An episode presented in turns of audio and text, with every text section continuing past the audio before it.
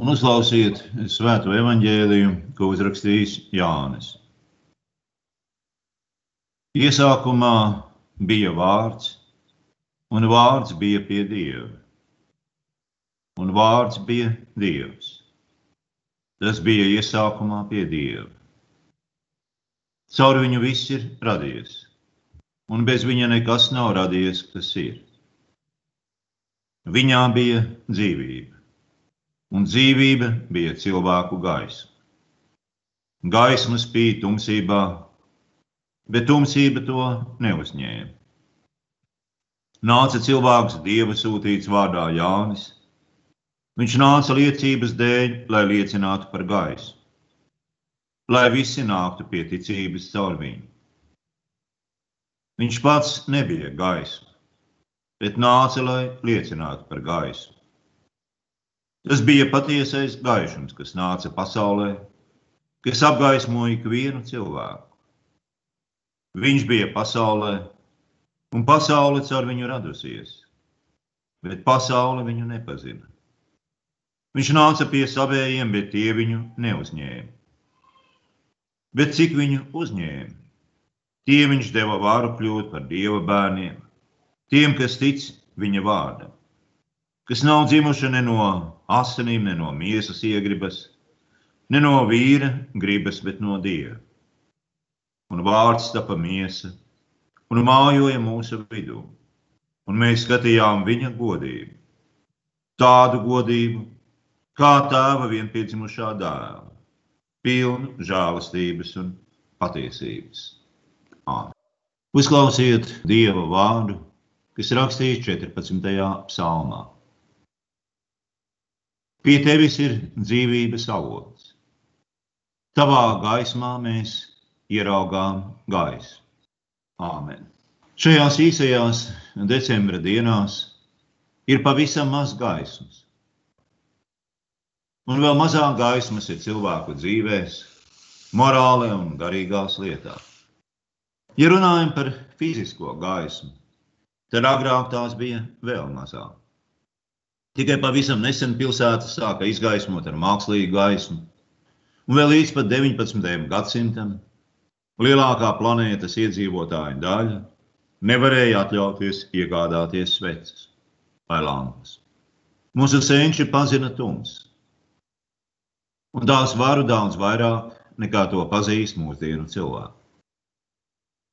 Tumsā nevar redzēt, tumsā ir viegli apmaldīties, Tumsā ir grūti atrast ceļu, un tums ir biedējoši, jo mēs nezinām, kas tajā notiek.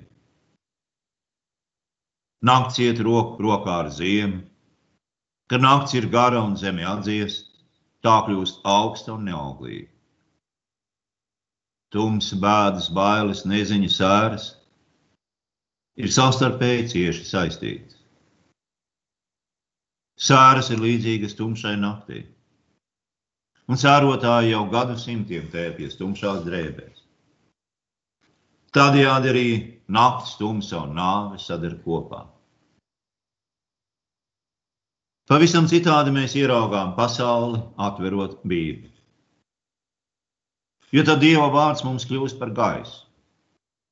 Jā, bez šaubām arī Bībelē ir tums, kas tiek saistīta ar grēku un nāvi, bet tā ar vienu ir spiesta piekāpties, atkāpties gaismas un dzīvības priekšā. Vispirms jau pats Dievs ir gaisa. Augstākā, nepieejama, neaptverama. Šo gaismu nevar aptvert cilvēka prāts un aprakstīt cilvēka vārdu. Tā ir gaisma, kas dod dzīvību saprātīgām būtnēm. Prāta pasaulē esot tas pats, kas saule maņu pasaulē.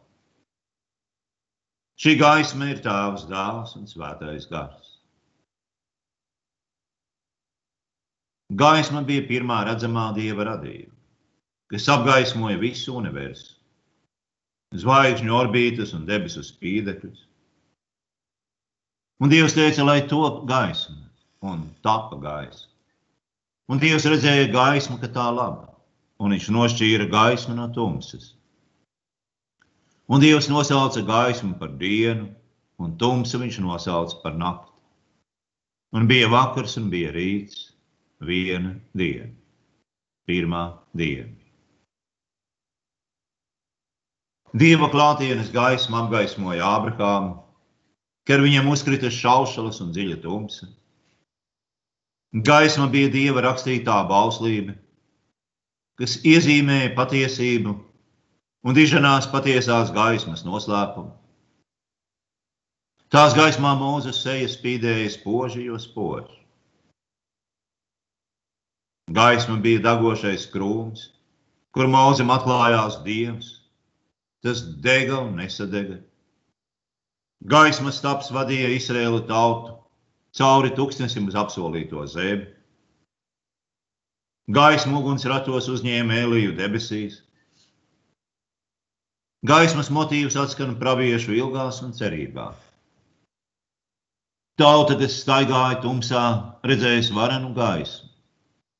Tumsības zemes mītniekiem atspīdēs gaisa. Un šī gaisma būs saistīta ar īpaša ķēniņa nākšanu. Jo bērns mums ir dzimis un mums ir dots dēls, vara uz viņa pleciem un viņu sauks vārdā, brīnišķīgais padomdevējs, varonis dievs, mūžīgais tēvs, miera princis. Pletīsies viņa vara, nebeigsies miers Dāvida tronim un viņa valstī, lai celtu to, balstītu to ar tiesu un taisnību no šī mirkļa uz mūžiem. Pēc Jeruzalemes nopostīšanas, garajiem trimdas gadiem un zaudētās godības, pravietim tiek atklāta nākošās godības gaisa. Celies un staro jo nāk tava gaisa. Tā kunga godība pār tevi ataugsus. Redzi, krāsla aplāja zemi un tumsa tautas, bet pār tevi atausīs tas kungs, un viņa godība redzēs pār tevi. Tautas nāks pie tavas gaismas un ķēniņa, pie tava lēkta gaismas. Bez visiem šiem brīnišķīgajiem pravietojumiem Senais Izraels pazina arī astoņas dienas garos gaismas svētkus, Hanuhā, kuros tika pieminēta tempļa atjaunošana un dieva godības klātbūtnes gaismas atmiedzēšana. Gaisma apspīdēja ganus tajā vakarā, kad mūžīgā gaisma sajaucās ar laicīgo. Gaisma atspīdēja no spožās bētlemes zvaigznes, vadot austrumu gudros pie Jēzus bērna.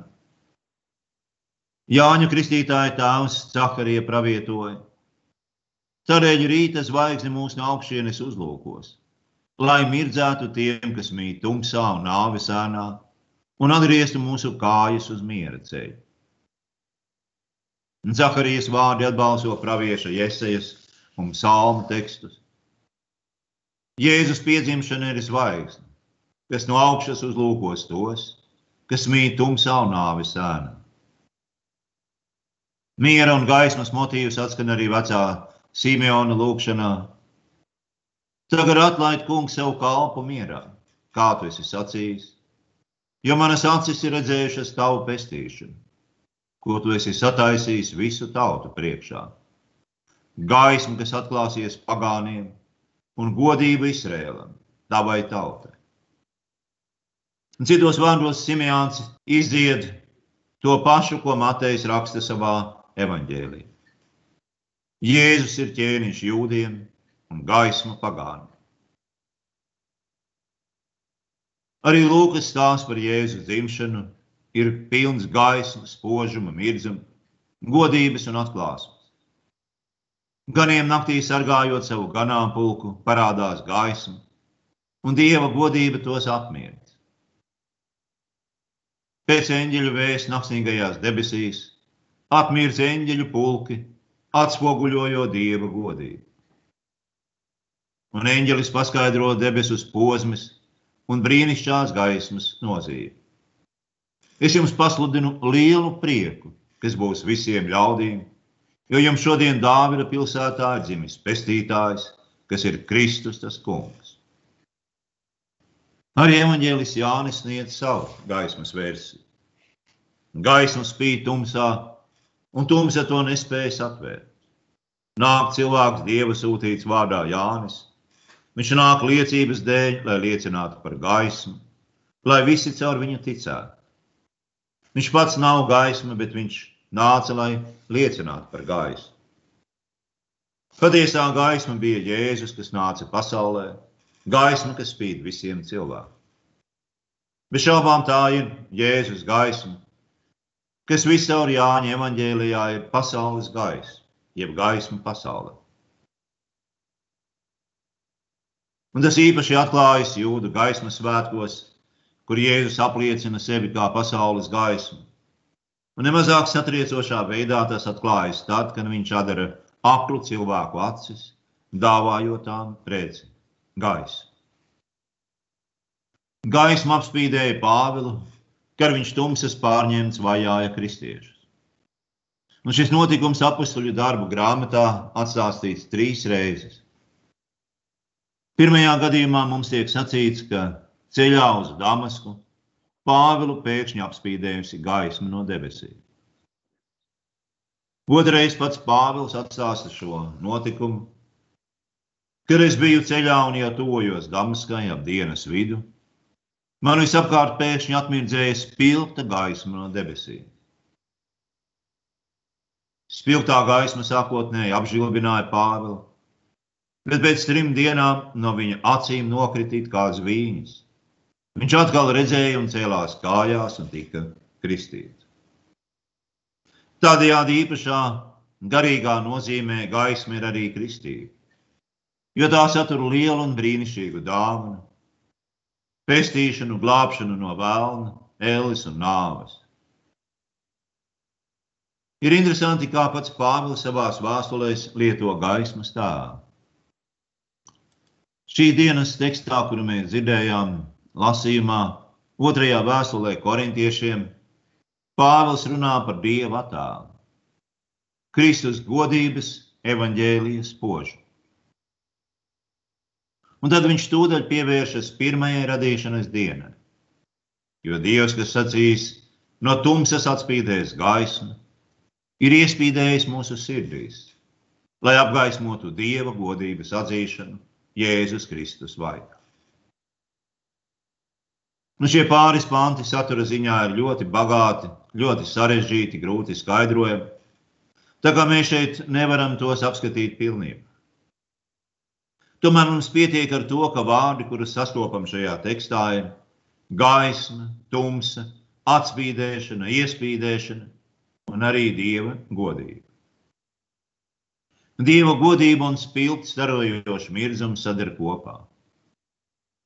Tā ir spožas, starojošas gaismas klātbūtne. Un visi šie gaismas tēli koncentrējas Kristus godības evaņģēlijas spožumā. Evanģēlī šeit nav rakstīts dokuments, bet tā ir labā vēsts. Grēku piedošana Jēzus vārdā, dzīvība un spoža gaisa. Līdzīgi kā par to runāja apustulis Jānis. Tas ir Kristus godības evaņģēlījis, starojoša Kristus klātbūtne, Kristus mirdzums. Evanģēlījis ir gaisa, tā saturs ir gaisma, un tas dāvina gaisa. Un teksts tālāk saka, ka šī gaisma un godība nāk no Dieva, kurš sacīja, lai no tumsas atspīd gaisa. Šis Dievs, Dievs, kurš tumsā radīja gaismu, saka Pāvils, ir atspīdējis mūsu sirdīs, lai apgaismotu Dieva godības atzīšanu Jēzus Kristus vaikā. Un šeit savies kopā trīs gaismas tēvi Dievs spīd mūsu sirdīs, lai darītu mums pazīstamu savas godības gaismu.